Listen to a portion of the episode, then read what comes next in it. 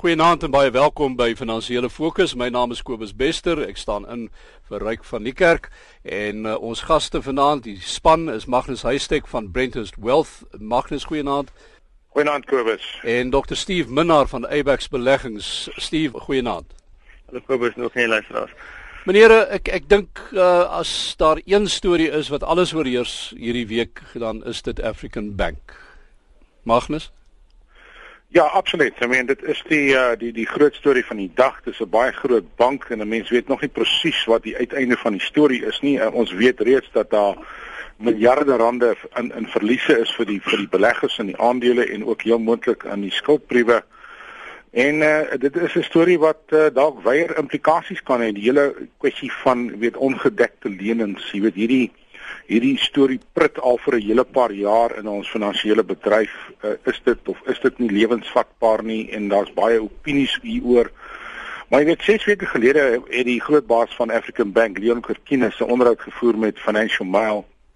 En toe het hy in die onderhoud gesê, nee, alles is nou klop tussen boom, alles is onder beheer en 6 weke later stort alles in duie. So of hy het nie die volle waarheid vertel nie of daar het in die afgelope 6 tot 7 weke 'n beduidende ineenstorting van die vermoë van die verbruiker om sy skuld te betaal plaasgevind het. En net die tyd sal leer, maar dit is dit is 'n storie met baie baie uh, dimensies, uh, Kobus. Steve Ja, nee, ek um, ek, ek dink eh, mag dit heeltemal reg hier so alhoewel ek net hy's miskien 'n bietjie vriendelik in die storie dit is dit het dalk net in die laaste paar weke gebeur. Ek dink hierdie is 'n storie wat al lankal aankom. Hmm. Jy weet as jy mens terugkyk, hulle het in 2008 Ellerines oorgeneem vir 'n effektiewe prys van 9.8 miljard rand.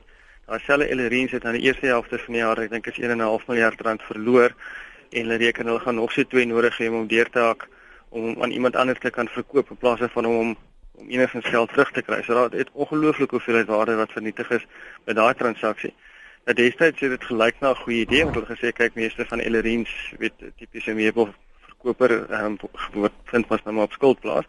So as hulle dan nou op Asken Bank en elke Hellerines um, affiliaal kan sit, dan kan hulle direk weet die lenings op die manier bekom. En uh, ongelukkig daai model dink ek is 'n is is 'n model wat nie meer lank in die toekoms gaan bestaan. Weet dit is dis iets wat in Suid-Afrika uniek is. Dit is nie iets wat nie in die buiteland sien nie. Jy weet mense spot al as jy kry 'n lening en dan gee hulle vir jou 'n rusbank kamer saam. Weet dit is net nie 'n model wat sin maak nie. So die ding moes op 'n stadium tot op 'n punt kom. Ek dink dit is dit is deel van die groot moleste. En dan natuurlik is mense net kyk nou hoe hulle hulle hulle rekenkundige uh, um, standaarde wat hulle toegepas het binne in African Bank was heelwat anders as die ander banke wat lenings um, uitgee. Ek dink hulle was heeltemal te vergewensgesind teenoor mense wat nie hulle skuldverpligtinge nakom nie. En dit het gemaak dat die boek net net baie meer ruskleurig is as wat die werklike geval is. Die vraag wat by my ook opgekom het uh, oor die afgelope klompie jare as 'n bank 'n meubelwinkel begin koop is hy nie besig om sy oor die bal af te haal nie. Is dit nie al klare teken dat die fokus is nie heeltemal waar dit moet wees nie? Hierdie tipe van goed gebeur, jy weet en ek dink dit is juist as gevolg van daai unieke model in Suid-Afrika wat wat spesifiek in die meubelhandel baie meer van die wins kom van die versekerings en van die die renteinkomste as wat kom van die eintlike verkoop van van die meubels. En dit is nie 'n gesonde langtermynmodel nie. Magnus Ja, ek wil byvoeg, as mens kyk na Ellerins en en en ek voeg nou oor die naweek vir my vrou verduidelik presies wie en wat is Ellerins.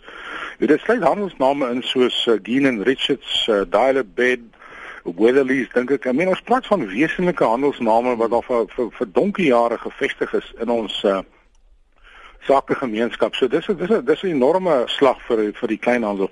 Maar so Steve sê, die die uh, die Rusbank was net die bonus, dit was die wins wat jy gemaak het op die versekerings en die administrasie fooie. Maar 'n mens moet ook 'n bietjie terug staan en en en bietjie filosofies na die hele storie kyk.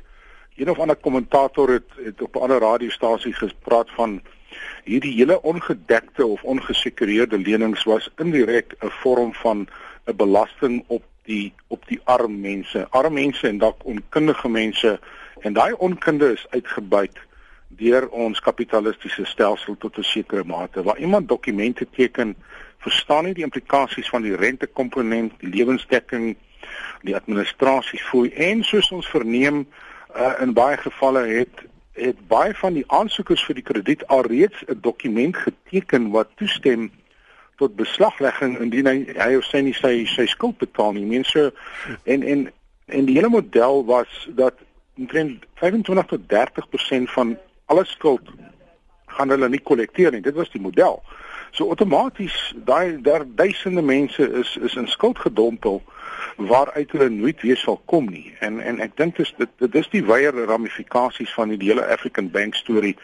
Mense moet ook sê is dit die gesig van kapitalisme wat jy wil sien in Suid-Afrika waar jy baie baie onkundige verbruikers het aan die een kant en hier hier het jy 'n stelsel aan die ander kant waaruit baie baie wins gemaak was in die verlede, maar kyk na die sosiale gevolge wat ons nou gaan sien en uh, dit kan implikasies inhou vir ander mense in die veld ook. Ek meen hierdie ding wat jy nou van na verwys het, uh, die Engelse praat van goodwill en en en dit vlieg by die by die by die agterdeur nou uit waarskynlik en uh, dit het implikasies vir die hele mark. As ek net net van 'n week kan kommentaar lewer, so 2 jaar gelede het ek in die in die Reservebank se statistiek opgetel en daar was 'n spesifieke kwartaal en ek het op op RC daaroor kommentaar gelewer dat die uh daar was meer geld toegestaan aan ongedekte lenings as huisverbande in Suid-Afrika. En en toe het ek besef dat hier is iets uiters ongesond aan die ontwikkel dat die banke en die finansiële instellings sal eerder geld leen vir mense om in die skuld te kom waar jy nie bates bou nie. Dit is dit is alles vir verbruikskonsumpsie.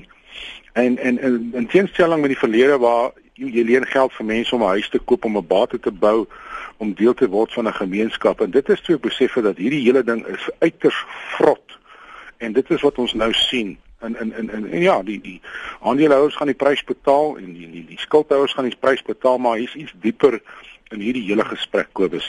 Steve, is daar enige moontlikheid dat hulle hierdie ding gaan omdraai? Ek ek weet hulle wil nou vir Ellerines en hierdie ouens en dit is 'n 'n tipe bate wat 'n mens waarskynlik kan omdraai uh, as die jou jou aandeelhouers en jou skuldenaars vir jou genade genoeg is, maar African Bank self en ek het gebaai moeilik wees. Dit is enigiets is moontlik.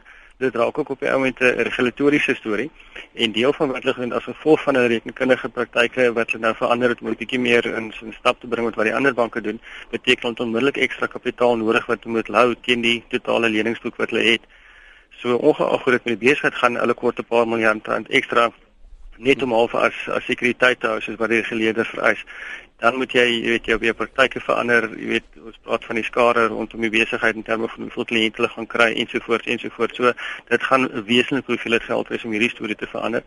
En dit is alles net ook gebaseer op die feit dat jy aanneem dat ehm um, dat hulle kan ontslaa raak van Ellerine. Van Ellerine is 'n redelike groot albatros om die nek op hierdie stadium. Daar's 'n groot kontant uitvloei op 'n permanente basis na daai kant toe. So mense nommer 1 aanneem, hulle kan die besigheid in twee verdeel, dan moet 'n mens miskien 'n verdere aanname maak en sê ons praat van 'n good bank, bad bank, weet ehm um, soos hulle in Europa gedoen het met die banke, wat jy al jou regte slegte skuld op een plek sit en dan moet jy nou probeer uh ehm um, somme maak oor wie bereid is om daai ding te befonds en of die staat gaan inkom om te bereder of wat daar aangaan. En dan het jy die sogenaamde good bank. Ek ek ek moet tog net weet so so as as 'n sy kommentaar net terugkom na wat Magnus voorheen gesê het, jy weet dit is ek dink is dis miskien effe maklik vir ons wat in 'n redelike bevoordeelde posisie is om om ek amper sê oor krities te wees teenoor mense wat mikrolenings of dan sogenaamde ongedekte lenings aangaan. Jy weet ons het toegang tot kredietkaarte tot hmm. oordragfasiliteite op 'n chequeboek of het miskien bietjie ekstra kapitaal in jou huisverband. So as daar nou wel 'n krisis kom van maand tot maand, jy motor breek of jou kind in die hospitaal of skoolgeld of so iets, kan nie vinnige plan maak.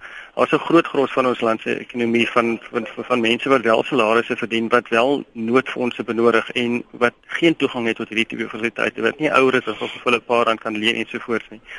En as daar nie 'n meer formele banksektor is wat wel hierdie tipe van dinge doen nie, dan is dit terug na die agterstrate toe waar die ouens vir baie maklik geld geleen het. Hulle gaan net vir 30% vra nie, hulle gaan meer vra en hulle het baie meer wrede praktyk om maar geld in te vorder wat 'n African Bank gaan hê.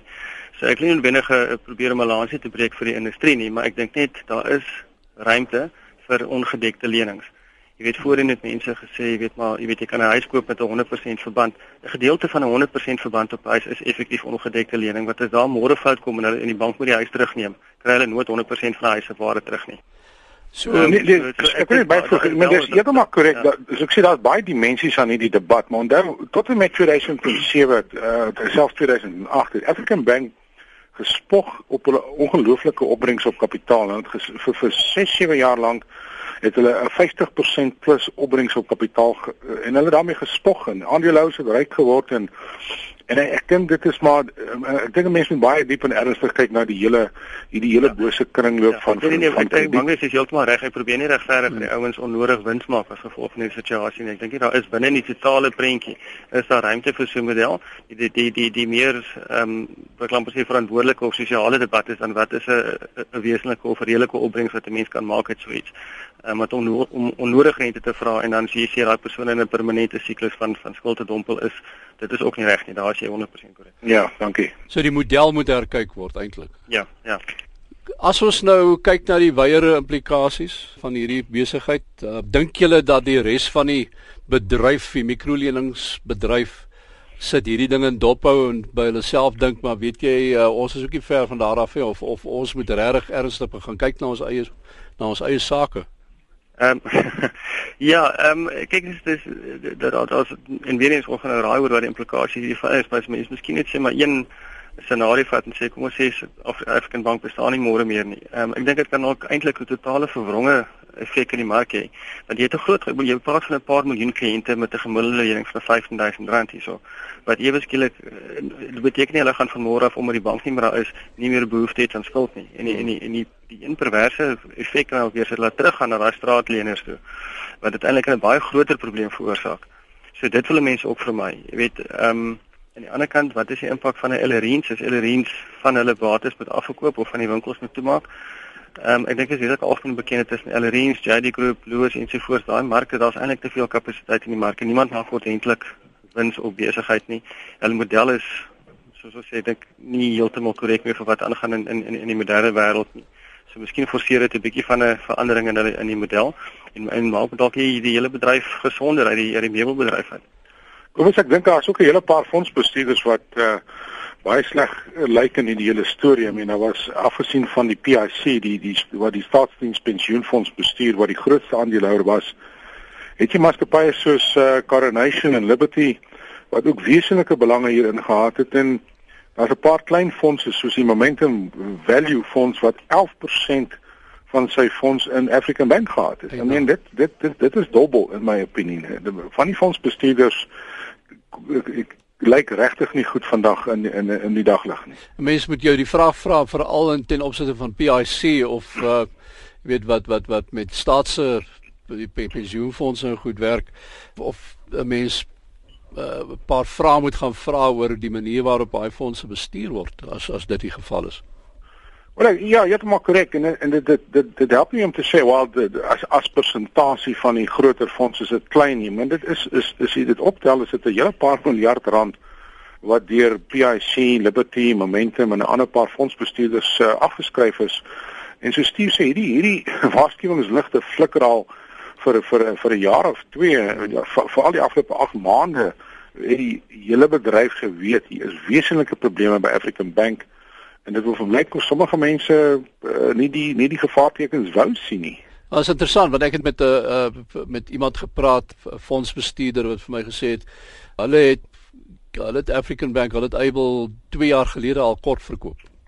Ja, daar was een bank, uh, een groep uh, 361 hmm. wat uh, baie publiek en vir almal wat wil luister op openbare platforms aanhoudend gesê het hierdie bank se model werk nie. Hy gaan ineenstort en ons ons verkoop hom kort. Uh daar was ook 'n bekende Amerikaanse fondsbestuurder, sy naam is Stenham Stenham wat op 'n kongres 3 jaar gelede in die FSA gesê het as jy nou regte geld wil maak, is daar 'n bank in Suid-Afrika, African Bank wat jy moet kort verkoop.